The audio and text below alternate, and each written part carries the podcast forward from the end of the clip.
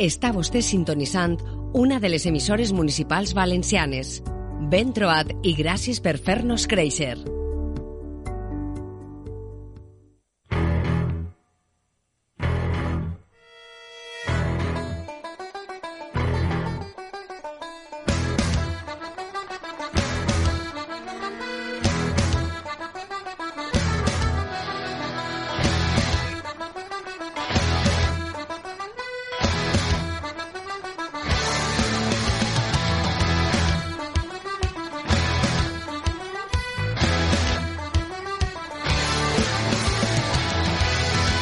Estem per així una setmana més, amigues i amics del cinema i les sèries. Avui especial reconeixement a aquelles persones que esteu escoltant-nos sabent que toca Cineclub de Manu i parlar d'una pel·li, diguem, incòmoda. Sabem que sou moltes qui heu fet els deures, així que tant d'això com d'altres temes als pròxims minuts parlarem i esperem que els gaudiu com nosaltres. Comencem, sense més preàmbuls, sinestèsia.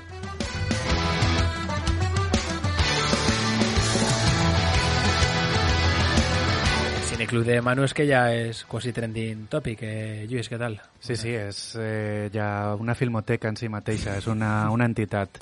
Eh, Manu, benvingut una setmana més. Eh, què tal? Com sempre ens portes temes que, que molta gent ja te té com una red flag, cinéfila. bueno, eh, lo primero, muy contento de estar aquí, como siempre. Eh, contentísimo por el, por el tema que traigo. Creo que hoy, bueno, el tema, una, una película es más bien, ¿no? Pero creo que traemos una, una bomba, o sea, creo que es una peli que es una bomba y espero que la gente lo disfrute. Y bueno, contento también con que me nombréis tan pronto en la introducción del programa. Mai O sea, en la vida el- s'havia anomenat a ningú el- en la en introducció. la, en la línea 3 está mi nombre, ¿sabes? Del, del guion. O sea, estoy contentísimo Y- con eso, así que muchas gracias. Y luchando por entrar en la línea 2. Sí, sí, sí. O sea, casi, Casi, casi, más. eh, casi, si le casi. metes una- un tipo de letra más pequeño, hubiese estado en la 2, sí.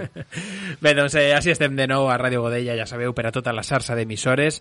I el primer de tot, Lluís, hem d'agrair per les votacions als Premis 310. Ja va ser la última setmana que anem a, a dir-ho, a no ser que guanyem la setmana que ve i aleshores doncs, eh, tinguem que esmentar-ho de nou, però dir que estarem entre aquests eh, finalistes, ja se sabe eixa llista, així que el dijous que ve no farem el programa eh, el dia com a tal, sí que el traurem eixe dia, però el gravarem abans per a poder estar en esa, en esa gala. Gràcies, entre molta altra gent, a la penya barcelonista de la vila. Jo no veig que la penya del València No, de no. ningún poble vos hagi donat suport. O sigui, És veritat que ahir hem ahí de heu de revisar un poquet els colors sí, de cadascú. veritat, eh? veritat, man.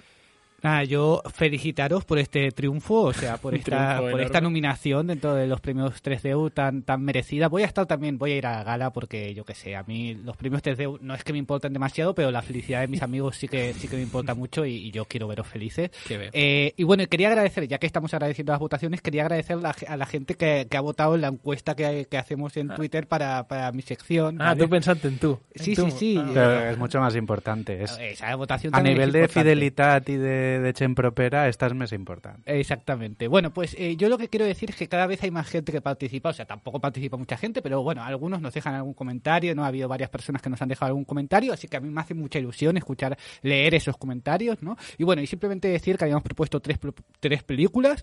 Eh, en último lugar ha, ha quedado Cuentos Inmorales, la cual la eliminamos, a mí me parece un peliculón, pero no vamos a hablar con e- sobre ella. En segundo lugar ha quedado LA Zombie, que posiblemente hablaremos, o sea, la volveremos a proponer para próximos programas. Y volverá a quedar Y segunda. en primer lugar ha quedado Holocausto Caníbal, que efectivamente es la película eh, de la que vamos a hablar hoy. Gràcies per dir tot això en la secció d'introducció, Manu, quan, eh, i no en la teua secció. Ho dic perquè ara en la secció de- d'estrenes de, m'agradaria que no parlares i no te ficares en la nostra Vale, part, yo ahora ya me callo y De fet, O sea, això de que estigues en la tercera línia del, del guió t'ha vingut massa... sí, en verdad... T'ha eh, motivat es que massa. habéis hablado de la En- votación de 3D y yo lo he unido con la otra No, votación. no, no l'has unido, l'has chafado. Bueno.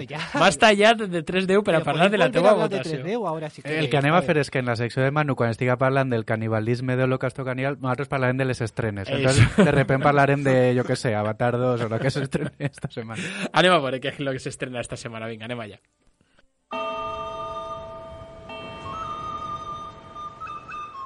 Colmson y Larry, ¿vosotros dos no erais mejores amigos? Seguimos siéndolo. No lo sois. ¿Quién lo dice? No te sientes ahí.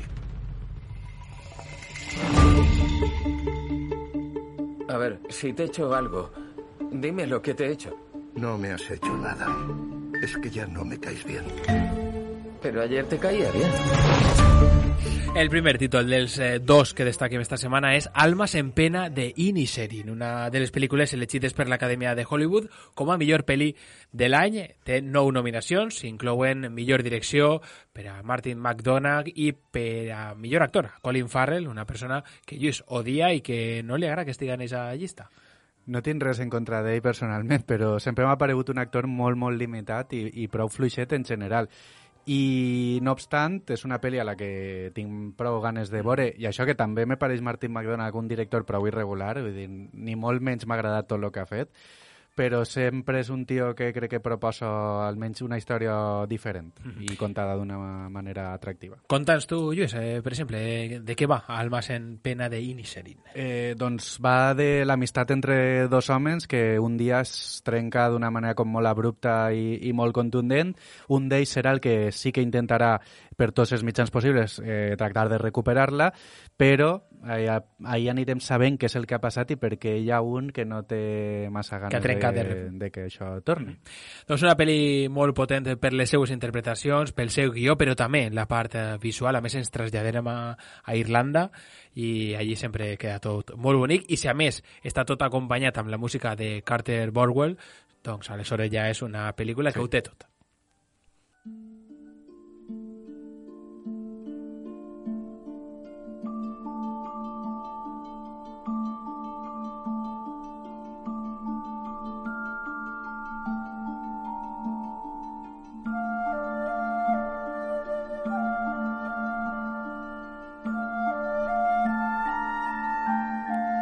L'altre títol que destaquem esta setmana, Lluís, ve de la mà d'un geni del cinema de terror i suspens, una, una persona, un director que, que ens encanta, tot i que ha com una muntanya russa en la seva filmografia, sí. però sí que és veritat que les que ens agraden, ens agraden molt. Estem parlant de M. Night Shyamalan, una de les personalitats que, que més bé ha fet al cinema de gènere, i esta setmana estrena una altra pel·lícula, es diu Llaman a la puerta.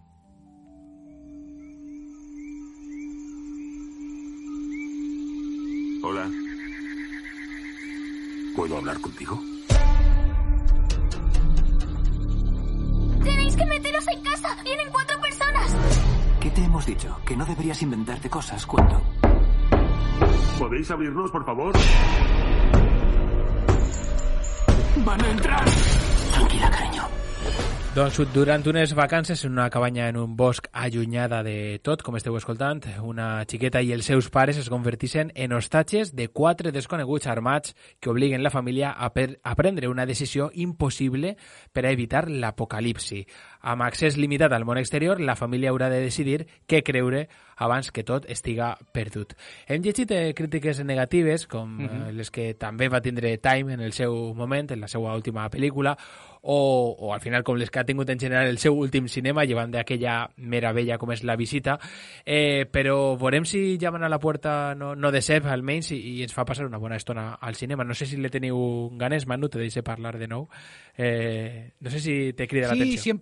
Para mí siempre, siempre es atractivo Shyamalan. O sea, creo que esta va a ser de perfil bajo, un poco como la última tiempo, pero, pero bueno, yo le tengo ganas, sí, ¿por qué no? O sea, creo que siempre el trabajo que hace Shyamalan de cámara, de fotografía, cómo juega con los espacios, a mí siempre me ha gustado. Entonces, eh, la veré seguramente.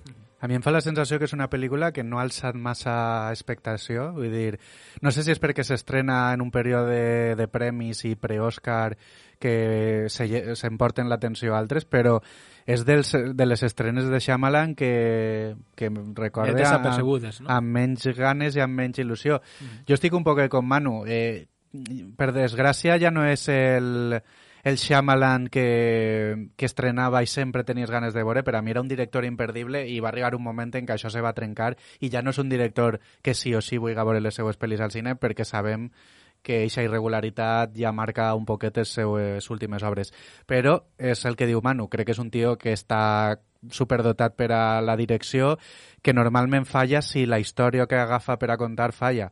Així que esta sinopsis crec que sí que té possibilitats de, de fer una pel·lícula atractiva com ell sap eh, fer. Una de les coses que m'he cridat l'atenció és que dura hora i mitja, que ja ens havien oblidat d'aquestes pel·lícules, estàvem tot veient de més de dues hores o dues hores i mitja, així que podria ser que més me cridarà l'atenció anar al cinema per a veure-la perquè al final eh, pareix que, que el metratge va ser més eh, portador, portador, si està ben dita la paraula, que d'una altra pel·lícula que, per exemple, comentarem en, en, uns, en uns dir-vos que se reestrena, per a les persones que no l'hageu vista, com per exemple jo, se reestrena tot a la vez en totes partes, una de les altres grans eh, que han eh, dut eh, de, de Hollywood per este any en eixa, en eixa llistat de nominacions. Lluís, tu l'has vista, eh, ens podries contar i convèncer-nos d'anar a veure-la? Jo ja, crec que ja ho vaig dir la setmana passada, crec que és la pel·lícula que mm, dins d'este anys de cinc sabores, que se diu eh, de, als Oscar, crec que és la que més m'agradaria que triomfara perquè és la proposta un poquet més diferent. Eh, jo l'anava a veure sabent, havent vist imatges, el tràiler, i encara així és una pel·lícula prou boja que, que te proposa molts tipus de subgènere al mateix temps.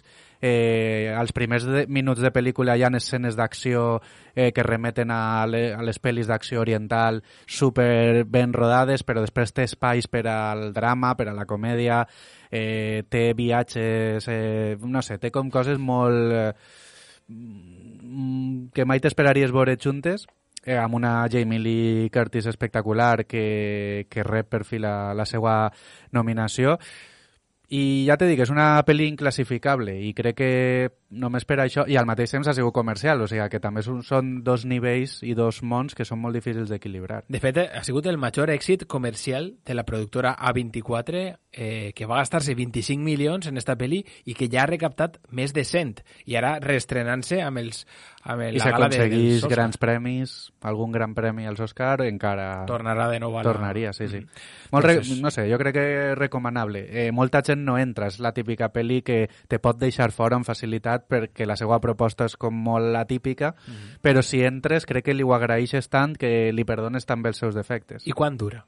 És important. No me'n recordo, però crec que dos hores. Dos o... hores. Sí, dos doncs hores. la que sí que dura més de dos hores i que anem a comentar i que hem vist en esta taula abans de, de passar a la secció del Cineclub de, de Manu és una altra, una joia que ens arribava la setmana passada de Parch and Walk que es diu Decision to Live.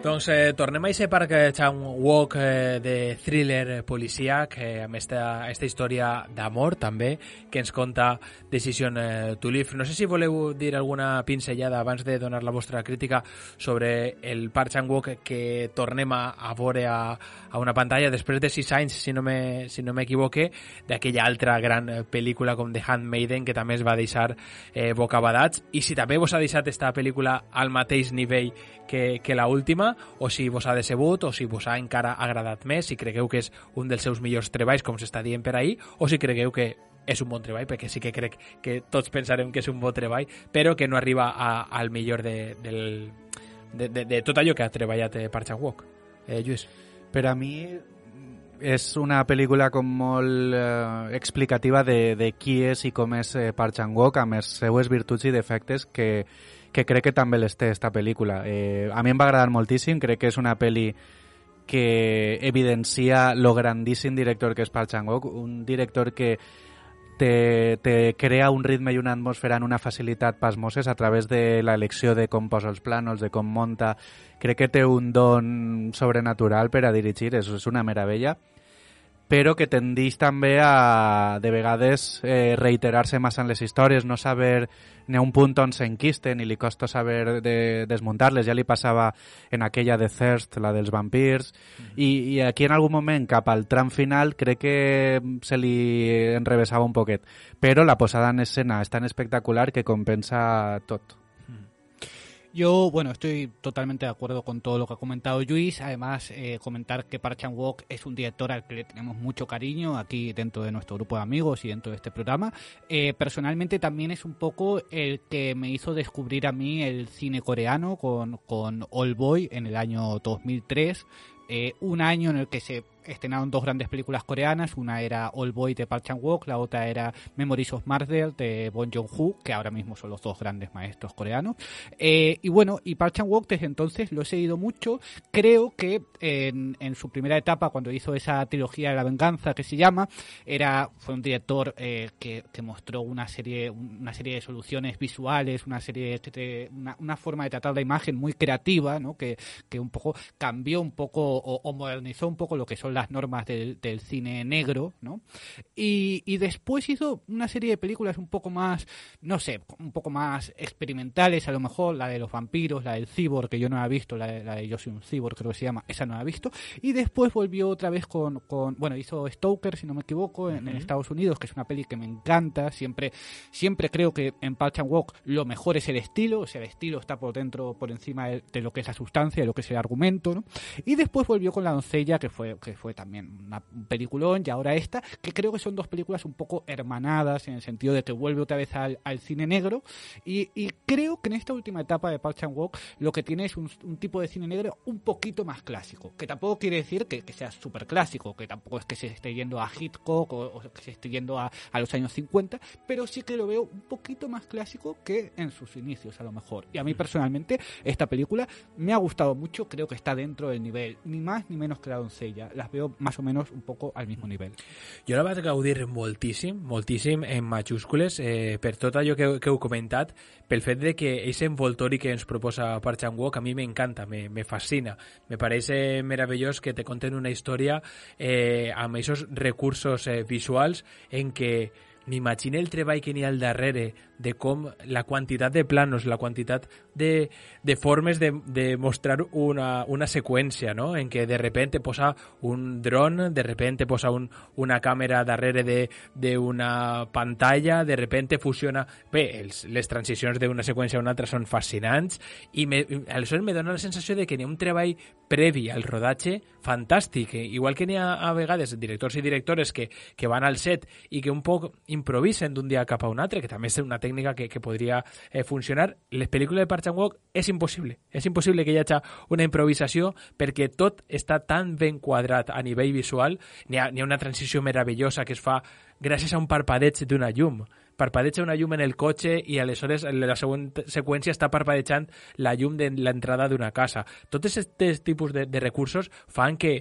que la teua vista no, no pugui anar-se'n de la pantalla. Aleshores, eh, només amb això eh, doncs, eh, li està donant un estil molt diferent a, a tot allò que estem acostumats a veure en este tipus de guió, que és un guió, com dèieu, prou bàsica a l'hora de contar una història d'amor entre un policia i una, i una sospitosa no? d'un cas eh, d'assassinat i veure un poquet eh, quedar-se un poquet en, en el disfrute, en el goig que és veure una, una pel·lícula. No? Aleshores, eh, a mi m'ha fascinat, m'ha encantat, i, i tot i que el laberint és eh, un poc difícil d'anar eh, buscant les seues isides, sobretot en aquesta segona part de, de, la, de la peli, a mi me dona igual haver acabat la, la pel·lícula i, i que hi hagi coses que no m'he enterat. Perquè, de fet, hi ha coses, hi ha que jo no sé què passa amb ni, ni, ni res, que me dona igual, perquè l'he gaudit tant i té un final tan potent que, que me queda ahí. No sé si, si, si ha acompanyat també la música, que l'estàvem escoltant, que és una meravella, la fotografia, les interpretacions, però a mi me pareix que el pack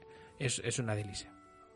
És una, una pel·lícula eh, molt al fil del que deia Manu, eh, sí que crec que se nota que està reconvertint el seu cine, jo crec que també cada vegada està menys present la violència, que sempre hi ha, però des d'aquella trilogia de La venjança, que eren pel·lícules quasi gore, vull dir, un estil eh, tipus Kill Bill en un poc menys de sang en tot cas, crec que això també ho va abandonant i cada vegada va fent un cine més elegant. A mi dona la sensació de que està adquirint una autoritat a l'hora de dirigir en, en, en una bellesa i una elegància de, del més alt nivell.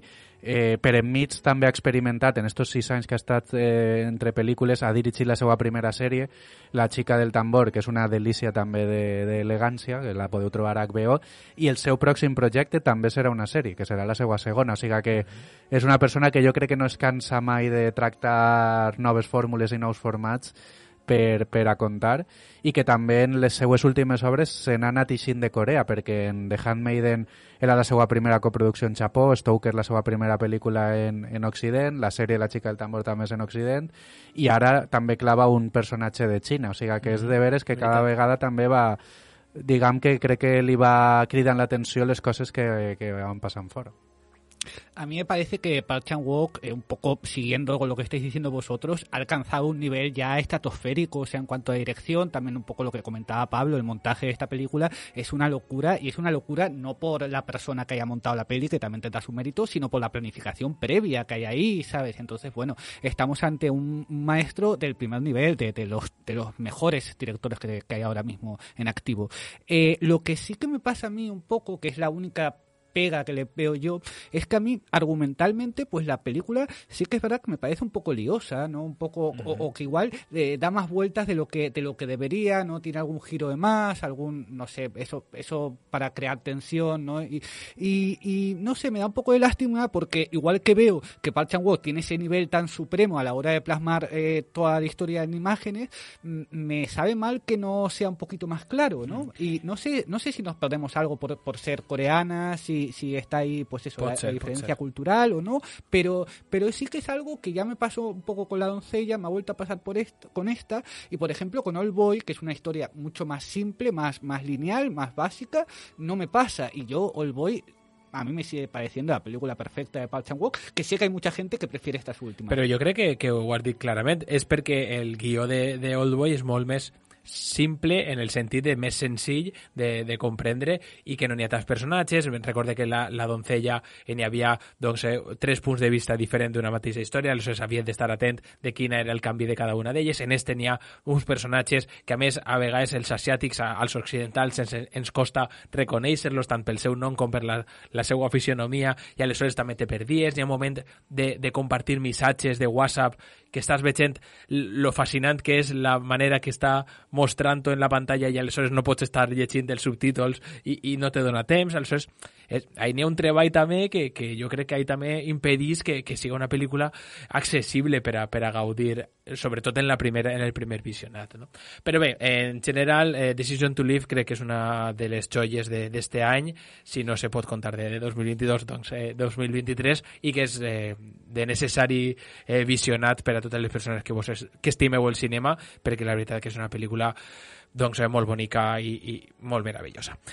Ens n'anem, eh, continuem. Abans de parlar amb Manu, tenim una nova entrevista, Lluís. La tercera. La tercera ja, ja d'esta sèrie que hem fet. La minissèrie que acabarà quan siguen els Goya, ja vam parlar amb Adán Aliaga uh -huh. i amb Maria Zamora. I esta setmana? I esta setmana ens visita, ens ha visitat la gran Susi Sánchez.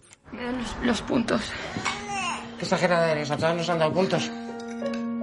¿Habéis pensado ya cómo os vais a organizar con la niña? Mamá, no te preocupes. Ahí l'escoltem, en el tràiler de Cinco Lobitos, eh, Susi Sánchez, avui també amb nosaltres en esta minissèrie de nominades i nominats als Goya. És un plaer tindre a sinestèsia a Susi Sánchez, sí, sí. Que, se, que se diu fàcil, però la veritat és que tindre ara mateix eh, via telefònica doncs, per a nosaltres doncs, es posa els pes de, de punta. Susi Sánchez, què tal? Eh, molt bon dia i moltíssimes gràcies per estar avui amb nosaltres. Muy buenos días a todos y gracias a vosotros. El primer de tot, donar-te l'enhorabona per aquest Premi Feroz i volem saber també, ara, en esta primera setmana de febrer, a pocs dies de que te tornem a veure una gala nominada, després també d'aquell Goya a 2019 i també una altra nominació a 2013, com estàs? Com se gestiona tot este temps? Penses en la gala en algun moment del dia? Pues mira, te cuento, yo tengo tal lío ahora mismo de cosas, de entrevistas, de, de cosas que casi no tengo ni tiempo de pensar en la gala. Entonces se han acumulado varias, eh, nominaciones, ni la película también, sabes que la, la película tiene en los Goya 11 nominaciones, entonces estamos todo el equipo sobrepasados haciendo entrevistas, la verdad que es en un punto muy apasionante, pero en otro punto es una locura total, ¿no? O sea que no me da mucho tiempo de pensar en el Goya, porque además también estoy trabajando en la academia, como sabrás, soy vicepresidenta segunda, y hay muchas cosas que atender en estos tiempos también de preparativos con los Goya, con, con, y seguir con la dinámica de otras comisiones también que están ahí, seguimos trabajando, o sea que muchas cosas, una acumulación de demasiadas cosas y, y, y bueno, deseando que pase todo esto porque en un punto te diré, el día 13 de febrero me tengo que ir, o sea, vuelvo de los Goya el 12 y el 13 me voy a hacer una película, pero a Lima, un, un, un mes. Madre. Entonces, tengo que prepararme también la película. Yo no puedo, no soy un tipo de actriz que pueda presentarme de, en, un, en, un, en, el arranque de una película sin estar suficientemente preparada, por lo menos que yo me sienta mínimamente tranquila. Sí, sí, estàs dient que, que estàs cansada, però, però bé, que siga benvinguda, no? Esa quantitat de feina sempre que siga per celebrar un èxit com el de Cinco Lobitos i, i a més treballant en algo que estimes tant com és el cinema i la, la interpretació. Hombre, hombre, es una satisfacción muy grande y sobre todo que es algo que yo, cariño, no me lo esperaba a estas alturas de mi vida, ¿eh? si te soy sincera. No, no, porque yo siempre he hecho un trabajo de hormiguita, siempre he estado pues haciendo los trabajos siempre lo mejor que he podido, claro, según el momento de mi vida he ido creciendo en la vida, como todo el mundo, y al mismo tiempo, pues eh, inevitablemente ha ido creciendo conmigo también mi, mi actriz, es decir, mi, mi faceta profesional.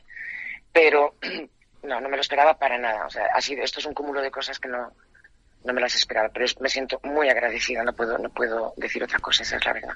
I a banda d'eixe esgotament, com està sent la promoció que dius amb, amb l'equip de la pel·li, amb la resta de, de la gent? Heu format una família com la que vegem a, a Cinco Lobitos també fora del set, eh, al darrere de les càmeres? Hombre, en este momento eh, eh, la vida nos tiene un poquito dispers más dispersados ¿no? que cuando hicimos la película, pero como es natural, como tú, como tú, bien dices, es inevitable que tengamos contacto, además porque nos están eh, premiando y nominando o nominando a, a, varios juntos de la película, con lo cual en los encuentros que hay de los nominados para estos premios nos encontramos. Ayer tuve una entrevista por Zoom con, eh, con Ramón Barea, que eh, y el otro día también en la Academia hicimos una presentación de nominados y también estaba Ramón por Zoom, con Alauda, Alauda me la encontré el otro día que nos dieron un premio en Días de Cine, a ella y a mí. Mm. Y entonces, pues claro que nos vamos encontrando y nos vamos mandando mensajes, nos llamamos, estamos todos contentísimos y, y hay un punto en que nos parece casi surrealista, ¿no? Todo, todo, todo esto, porque cuando estábamos haciendo la película en ningún momento tuvimos una sensación de que esto pudiera calar de esta forma tan, tan honda, ¿sabes? No te imaginaves eh, durante la película, però tu recordes, Susi, aquell moment en què te presentaren el projecte a l'Auda Ruiz i la resta de l'equip i prengueres la decisió de dir sí a, a, a que actuaves? Perquè, vist ara amb perspectiva, quina decisió més bona, no?, haver elegit este paper a esta pel·lícula. Es que era, era, era incuestionable la decisión. Es decir, yo me acuerdo que le decía a mi representante, después de hacer La enfermedad del domingo, que además la enfermedad del domingo de Ramón Salazar Ramón la escribió casi conjuntamente conmigo porque era un personaje que quería hacer para mí. Uh -huh. Entonces, aquello fue un regalo excepcional por parte de un buenísimo director y un grandísimo amigo también. Pero yo pensaba, después de, de todo lo, lo, que disfruté, lo que vino después de la enfermedad del domingo, pasé un par de años que me venían guiones, venían cosas, más o menos tal, pero le decía yo a mi representante, no sé, Borja, creo que no voy a volver a hacer una película como esa. Y entonces cuando me llegó el guion de Cinco Lobitos, no tiene nada que ver con el guion de la enfermedad del domingo, claramente, pero era un guion potentísimo, lo leí y yo dije, pues claro que, o sea, no puedo no estar en esta película, no puedo no, no estar. Y contar esta historia. Y entonces eh, eh, pasaron como dos años, la pandemia por medio y todo. Eh, y ya me llamaron ya directamente para decirme que ya estaba todo y que pues ya para empezar a ensayar, para tener una entrevista con la directora y arrancar. Y así fue.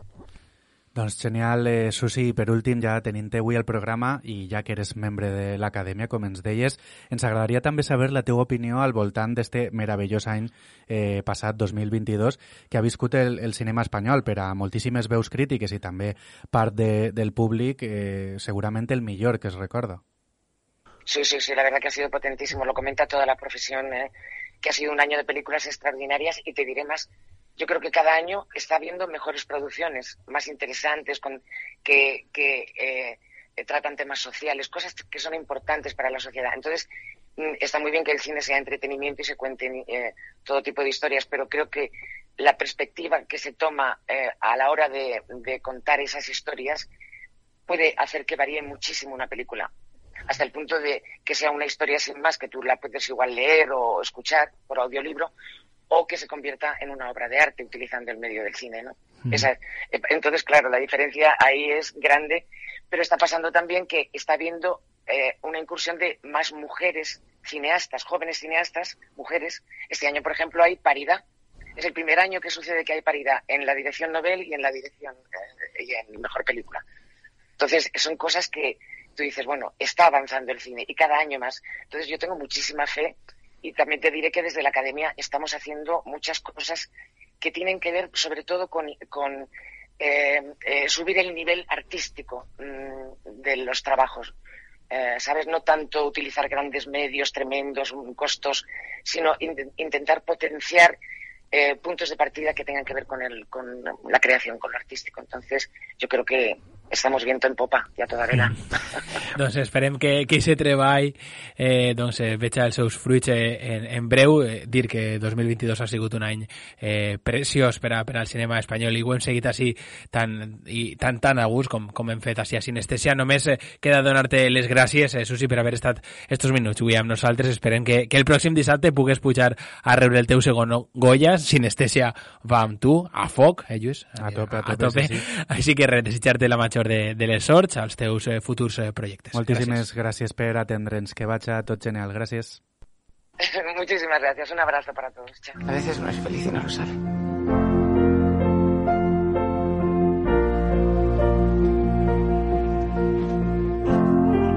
Un plaer escoltar a Susi Sánchez poder parlar amb ella. Lluís, eh, un goig total. Meravellosa i si encara no heu vist Cinco Lobitos, aprofiteu perquè va guanyar, a banda, a banda del Feroz, guanyarà algun Goya, jo crec que de segur, eh? Ara sí, toca canviar de terç, endinsar-se amb Manu Salmerón al seu cineclub, que voreja, ja sabeu, els límits del cinema. Voreja Un- també el, el Codi Penal. El Codi Penal també. està també ahí rosant-lo. Eh, un fil, de fet, eh, pel qual ens agrada passejar, no? Eixe, eixe límit, però una vegada al mes. Més eh, tampoc, que no volem eh, molts problemes amb, amb la justícia. Cada quatre setmanes està perfectament. Anem allà.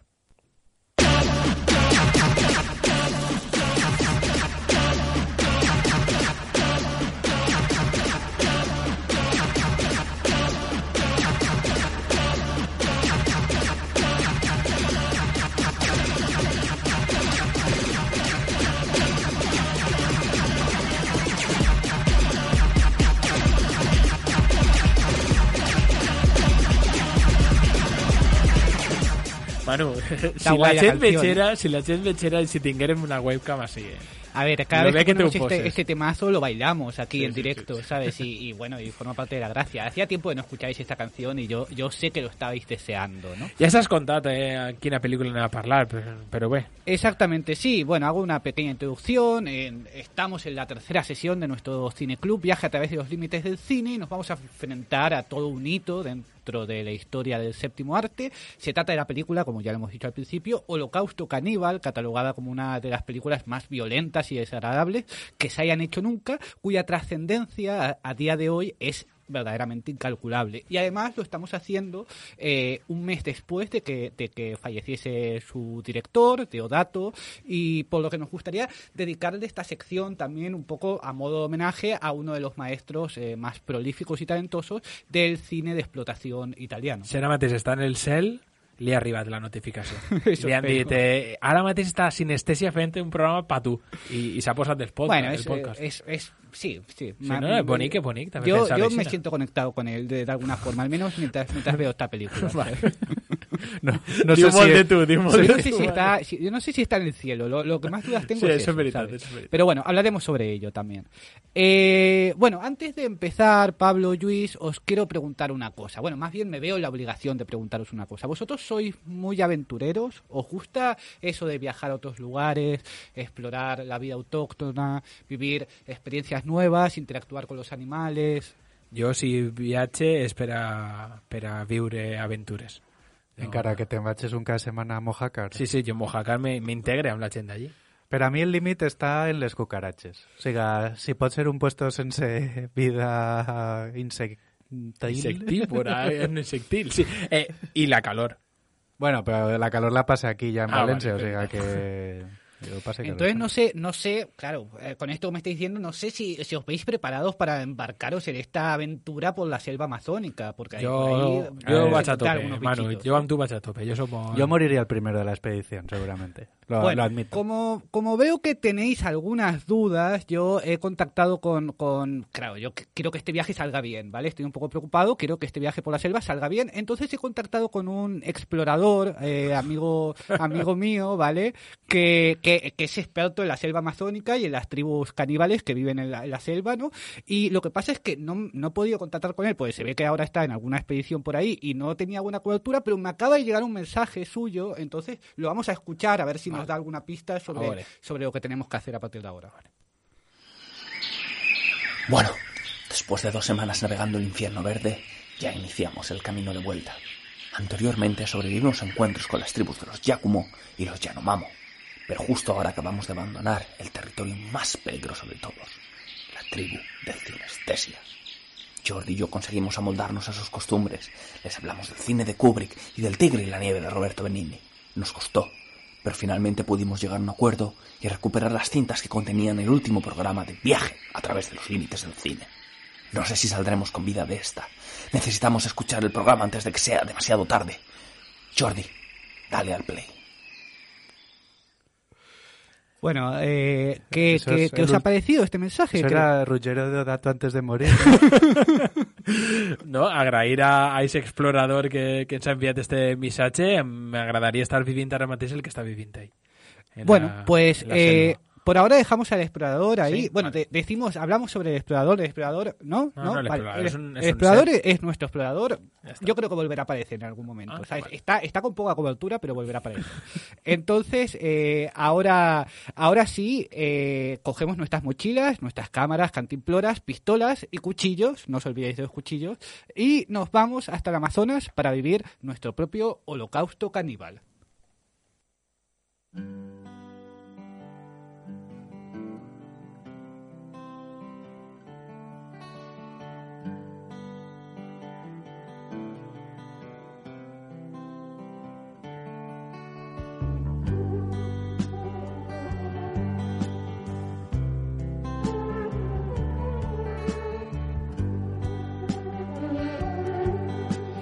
En la década de los 70, el cine de explotación vivía una de sus épocas más prolíficas, dando lugar a multitud de películas de bajo presupuesto que abordaban temas considerados moralmente inaceptables, provocando que los espectadores y espectadoras llenaran las salas de cine buscando experiencias cada vez más extremas.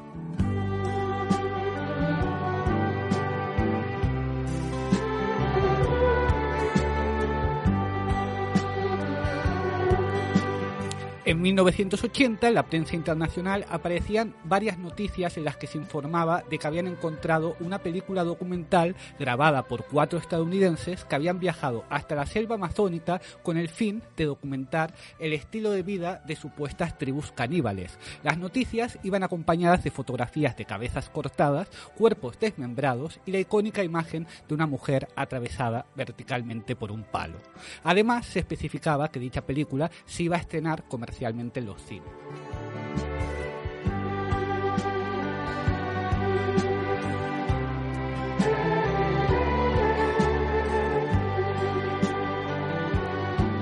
Holocausto Caníbal inventó de esta forma lo que se conoce como el género found footage o metraje encontrado, es decir, películas de ficción en las que se simula que parte del metraje es un documental grabado por personas que han desaparecido de forma misteriosa.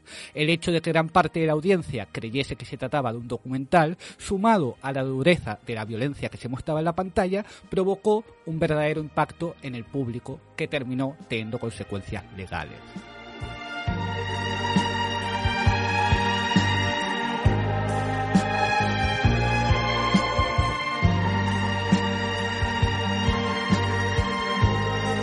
La película fue confiscada 10 días después de su estreno y su director, Deodato, fue detenido por las autoridades italianas, que dieron credibilidad a las muertes ficticias pensando que parte del elenco había sido asesinado. Tras un proceso judicial en el que el cineasta salió victorioso después de demostrar, entre otras cosas, cómo se había grabado la famosa escena de la mujer atravesada por el palo, la película continuó siendo censurada y prohibida en algunos países, lo cual, a su vez, alimentó su éxito en aquellos países en los que sí conseguía estrenarse.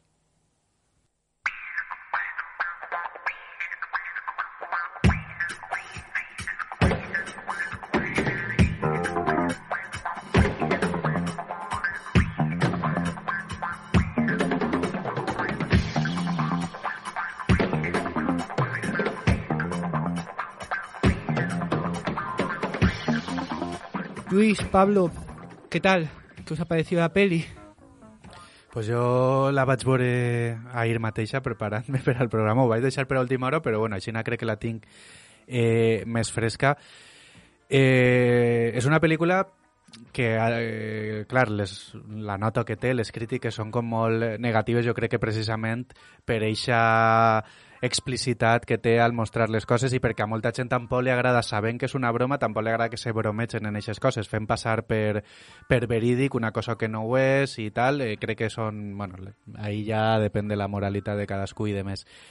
Eh, me l'esperava pitjor en aquest sentit, perquè sí que me la imaginava, sobretot tècnicament més cutre, i crec que les escenes de violència estan prou bé, crec que 40 pico anys després ha mantingut eixa credibilitat, eixa veracitat, me, me puc posar en, en la pell. Eh, la pel·lícula, òbviament, em falla sobretot per dos grans motius. El primer perquè hi ha coses que sí que moralment ara són acceptables, algunes coses que sí que són veritat, com sobretot el maltractament animal, sí que crec que és una cosa que ara mateix ja eh, se qüestionaria molt més i, i que és una cosa que me molesta perquè sí que sé que és veritat, però sobretot la, la premissa de la pel·lícula, que al principi de la pel·li ja te la deixa veure, que me pareix molt guai, que és eh, uns plànols de Nova York amb taxis, amb la vida molt, molt activa de la gent i, i fa un paral·lelisme entre això i la selva a, que, a la que després anirem. I, i tota la pel·li al final parla un poc d'això, no? de, de, bueno, tenim moralitats distintes, tenim eh, justícies distintes, però tots mos regim per uns codis que són reconeixibles i al principi de la pel·li me pareix molt guai, però quan no para de matxacar-ho durant tota la pel·li, al final encara te ho remarca més el, el personatge del professor eh, dient eh, todos somos caníbales o algo o així. qui és més caníbal. O, no? Qui... Sí. Eh, aleshores, mm, dius, bueno, pues vale, al final la pel·li crec que és transgressora per el que mostra i en, la, en el seu moment me puc imaginar que sí que va ser tot un boom, però vista ara la premissa i tot, pues bueno, ja no és una cosa que me trenque el cap o que me meravellosa. Mm -hmm. Però, bueno, que és una pel·lícula que a mi aquestes pel·lis sempre me pareixen interessants de veure. Eh, però sempre també necessiten un poc de context per acompanyar Si la veig sense cap explicació, no és una pel·li que a dia d'avui aporte res a ningú. Bé, jo la vaig veure fa ja 20 anys i l'he tornat a, a veure ara per a 20 anys, no? 20 anys seria... La meva infància era patit molt... Va ser a la universitat, doncs fa uns 15 anys, no? Eh, I i l'he tornat a veure per a, per a preparar el programa i és veritat que se veuen les coses molt diferents eh, quan uno doncs, eh, madura, no? doncs ja té una, una visió diferent del món, com deia Lluís, en certs aspectes de moral, però llevant d'això i, i en el aquí i ara de, la pel·lícula dels anys 80, me pareix que és una pel·lícula que no només va crear un gènere, que crear un gènere es diu ben pronte, però és una cosa, una fita importantíssima en el món del cinema i que hi ha que tindre en compte aquests títols que marquen la història, sinó que també me pareix que estèticament el treball que n'hi ha de, de muntatge, més enllà de, del màrqueting que se va fer, que me pareix eh, pues, eh, al nivell de la, del projecte de la Bruja de Blair, no? eh, un treball doncs, que, que és molt, molt agraït per a, per a aquelles persones que van guanyar tants diners per, per això, me pareix que és que la part estètica, la part de com fusiona les dues històries que se mostren a, a la pel·lícula, eh, com està de ben contada eh, la part que s'ha de simular que està gravat eh, pels joves que, que doncs, al final moren en, en la, en, amb, le, amb les tribus, amb aquests zooms, amb aquestes, eh, aquestes càmera, esa càmera moguda, esa simulació a vegades de, de doncs, actes que, que són deleznables, me va parecer que, que sí que estàvem davant d'una cosa prou avançada al seu temps, si estem parlant d'una pel·lícula del 80, i que sí que, vaig, vaig trobar coses molt botxes, no?, a l'hora de, de la realització d'ella, no? Aleshores, a mi sí que la vaig gaudir sempre i quan mantenint aquesta distància moral que presenta la, la pel·li. Una cosa que me sorprende, ahora después hablaremos del tema de los animales, o sea, nos focalizaremos en eso, pero una cosa que me sorprende es eh, lo tranquilos que os veo hablando sobre la película. Quiero decir, me da sensación de que no os ha parecido tan violenta como la pintan, ¿sabes? Y yo hay algo, o sea, estoy totalmente de acuerdo con lo último que estaba diciendo Pablo de lo que es la factura técnica de la película. Creo que la película tiene, tiene una, una cinematografía mucho mejor de lo que se le presupone a ese tipo de películas, ¿vale? O sea, es una película que a mí me parece muy inteligente cómo está hecha. Eh, y después, después, centrándonos en el tema de, lo que más famosa ha hecho a, a, a, Holocausto Caníbal, que es la violencia, a mí me parece muy violenta la película y me lo sigue pareciendo 40 años después. Quiero decir, yo la veo ahora sin contexto y me sigue pareciendo una película violentísima. Y me extraña un poco que, que os veo como que os la habéis tomado con mucha tranquilidad y será porque a cada uno de nosotros nos perturban unas cosas diferentes. ¿sabes? Sí, a Pero... mí, por ejemplo, la, a més, sabent que, que no és real la, la violència, evidentment, eh, me crea més eh, por o més... Eh, no sé, me, me distancia més de, de, la, de, la, de la imatge i, i les coses reals, com els documentals o com, com, com ese contingut real que fins i tot no és violència explícita però no una violència al darrere més eh, doncs, psicològica, que escenes eh, tan evidents de, de sang i de, i de, no sé, és que passen tantes coses que és tot, és tot molt asquerós, però 40 anys després de la peli hem vist ja molt, molt de cinema com per a que te faig això apartar-te de la vista o que siga un, un component más a, más a. Es bueno. como que están esas dos vertientes de la violencia, la que hablas tú más psicológica, más intelectual, y esta otra que es más explícita, que simplemente es poner vísceras en la pantalla. Creo que en ese tipo de violencia, la de poner vísceras en la pantalla, creo que esta película es muy buena, ¿sabes? O sea, creo que lo hace muy bien, o sea, que sí, que solo hace eso, que no hay, no hay una, no hay una, un discurso demasiado profundo detrás o algo que te haga, que te haga, eh, no sé, que te ponga en una situación demasiado incómoda, ¿no? Pero lo de lo de sacudirte mediante mostrándote las vísceras para mí lo, lo, lo, consigue mucho. Me parece una peli muy truculenta. Crec que a banda de de, de la violència amb els animals crec que l'altra que està molt present en la pel·li la violència cap a les dones i, i ahir és on me pareix la pel·li més desagradable perquè també és explícita en violacions i en altres coses que me pareix molt més que el canibalisme que al final tampoc me pareix el més greu de la pel·li ni molt menys i, i bueno, en aquest sentit sí que és una pel·li dura de mirar perquè, bueno, sabent inclús que és ficció, pues sí que sí que és prou explícit eh, tot això i el paral·lelisme que fa entre eh, que al final la violència a les dones eh, se practica des de les civilitzacions avançades tecnològicament com les civilitzacions primitives, me pareix que és com se construeix el, el poquet discurs que té la pel·lícula sí que va, sí que va cap ahí. Em pareix lo millor i també lo més desagradable de la pel·lícula.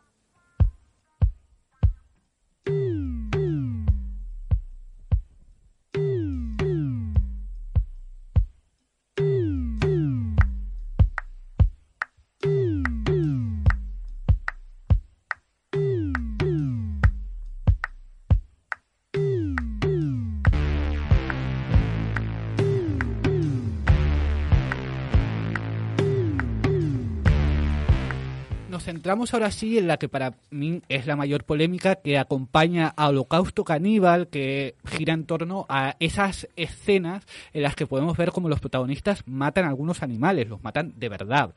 Y bueno, estos animales son una tortuga, una serpiente, un mono o un cerdo. Estas secuencias eh, elevan exponencialmente la crueldad de la película, por una parte, por el propio impacto que producen estas imágenes, y por otra parte, porque desde mi punto de vista, aumenta la sensación de autenticidad de toda la película. Es decir, aumenta la sensación de autenticidad de las muertes y agresiones ficticias que se ejercen sobre los humanos. Entonces, bueno, os quiero preguntar a vosotros cómo veis estas escenas. Quan jo te deia que eh, el terror o, o la por que me donen les pel·lícules eh, està més relacionada amb la realitat que amb la ficció, amb les vísceres i amb les coses que no saps que són de veres, la part que me produís eh, rebuig absolut és esta, evidentment. Eh, són imatges que jo no he vist, no, o sea, me, me les tape, eh, així, no, o sea, no, en algun moment eh, al final ho veus, però la part de, la tortuga és molt desagradable, la part de.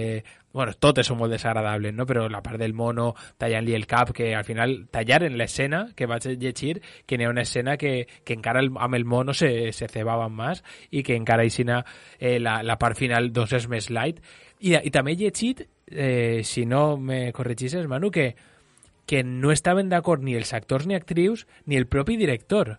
El propi director tampoc volia fer això, però que des de producció eh, se va compartir. Tengo o al, entendido que el director sí. Yo o al revés, el productor los no- actores son los que se negaban y los actores eh, se ve que lo pasaban muy mal en esas escenas por, por motivos lógicos, ¿no? Porque son situaciones muy desagradables. Entonces sí, que algunos actores se quejaron de Sí que, que no va a haber ahí como- cómodos con las escenas de, de los animales. sí. Claro, és que si ja m'imagine jo estar sofrint de, de, darrere una pantalla, doncs veureu eh, a l'altra banda, doncs... Ja me va passar quan van parlar de, de los enanos también eh, crecieron... También empezaron también, pequeños. También empezaron pequeños, perdó. Que, que lo que més me va fastidiar de la pel·lícula va ser el maltracte animal, perquè al final jo me pense que són mm, éssers eh, indefensos que els estan utilitzant per un, per un bé eh, industrial, que és fer una pel·lícula, i a més maltractant-los, i en este cas no només maltractant-los, sinó acabant amb la seva vida. No? Aquí sí llega a un nivel mucho más alto que, que en también los enanos empezaron Sí, sí, sí, pequeños. sí, clar. Sí, de tota manera, eh, per desgràcia, és una cosa que va vindre després, la regulació de l'ús d'animals en pel·lícules i, i també en els debats en la societat civil.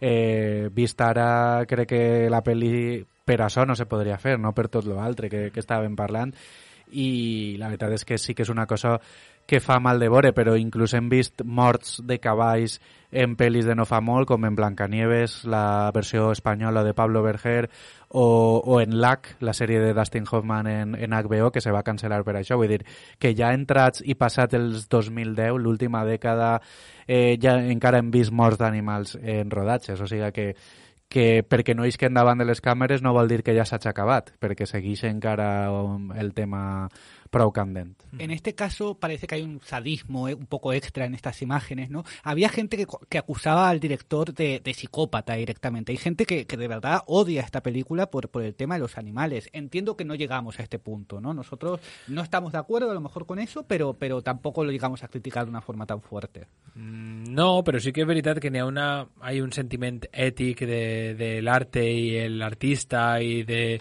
Bueno, això ho hem parlat mil vegades, no? De l'obra i l'autor, si separar o si no separar. En este cas, doncs, si al final el producte ha creat un... ha, ha fet una... ha aconseguit una fita històrica i que ha creat una, un, un punt d'inflexió en el cinema, a lo millor fins i tot gràcies a esta pel·lícula se van replantejar temes animals que van fer que, que se poguera regular eh, l'assumpte, doncs eh, ja que tindrem en compte, però a veure, no vaig a dir-li que hagi d'anar a presó perquè ho va fer en els 80, ara mateix sí que diria que sí que eh, se ho mereix, però tampoc és una persona que jo convidaria a ma casa a sopar.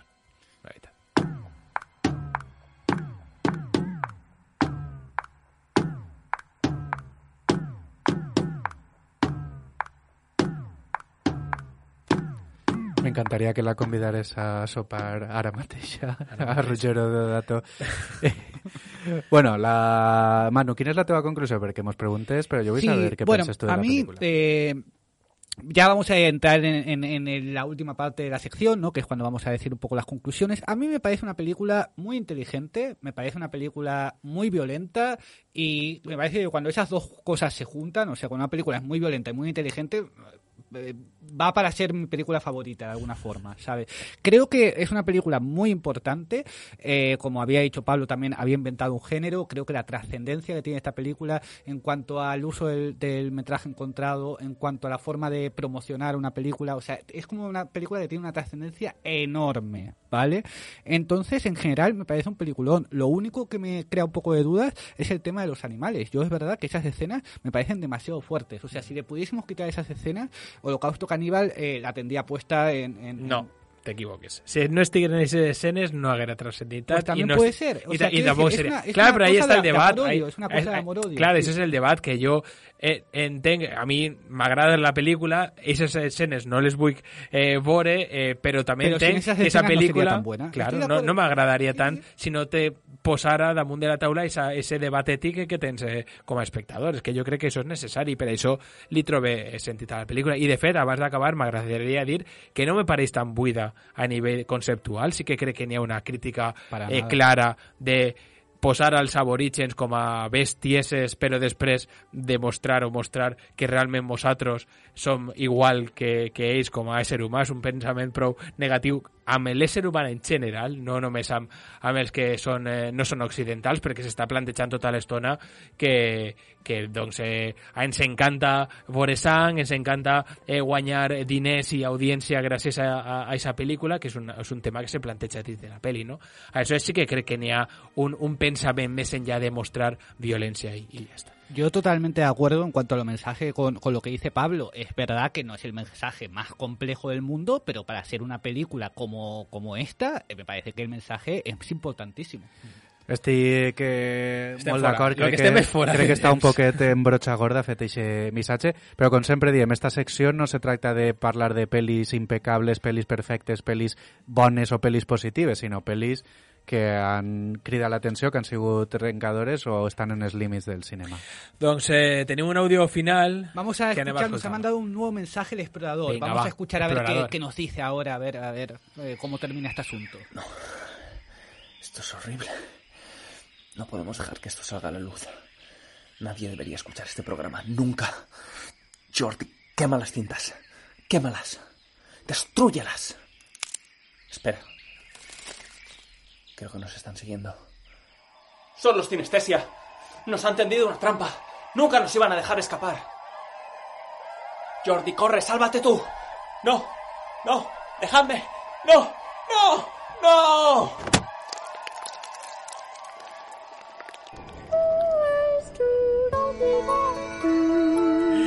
Doncs eh, moltíssimes gràcies a l'explorador allá on estiga, si encara continua viu. Muchas gracias, Borjita, por, por, Bueno, es nuestro amigo Borja, el explorador. Muchas gracias por Goya, estos audios. revelación, ¿eh? un poquito el programa. I ja estàvem escoltant la cançó final, eh, Lluís. Sí, és el Puppycats eh, Lullaby, és que dura molt poquet i per això l'hem de dir ràpid. Sona la sèrie B amb Puppycat que teniu a Netflix, una sèrie d'animació que és una autèntica joia. Ens la recomana Words, Words, Words, arroba nonsense eh, Moltíssimes gràcies i una abraçada molt gran. Des una abraçada des de Sinestesia per a, per a Words, Words, Words. Eh, Manu, eh, moltíssimes gràcies per estar de nou. Gràcies a vosaltres, me lo he pasado Moltes gràcies, Manu. Ha sigut un plaer, com sempre. Ens acomiadem i la setmana que ve més coses per així per Sinestesia, Ràdio Godella i tota la salsa. Així és, com sempre vos diem, aprofiteu per a veure bon cinema i bones sèries. Moltíssimes gràcies per estar ahí. Adeu.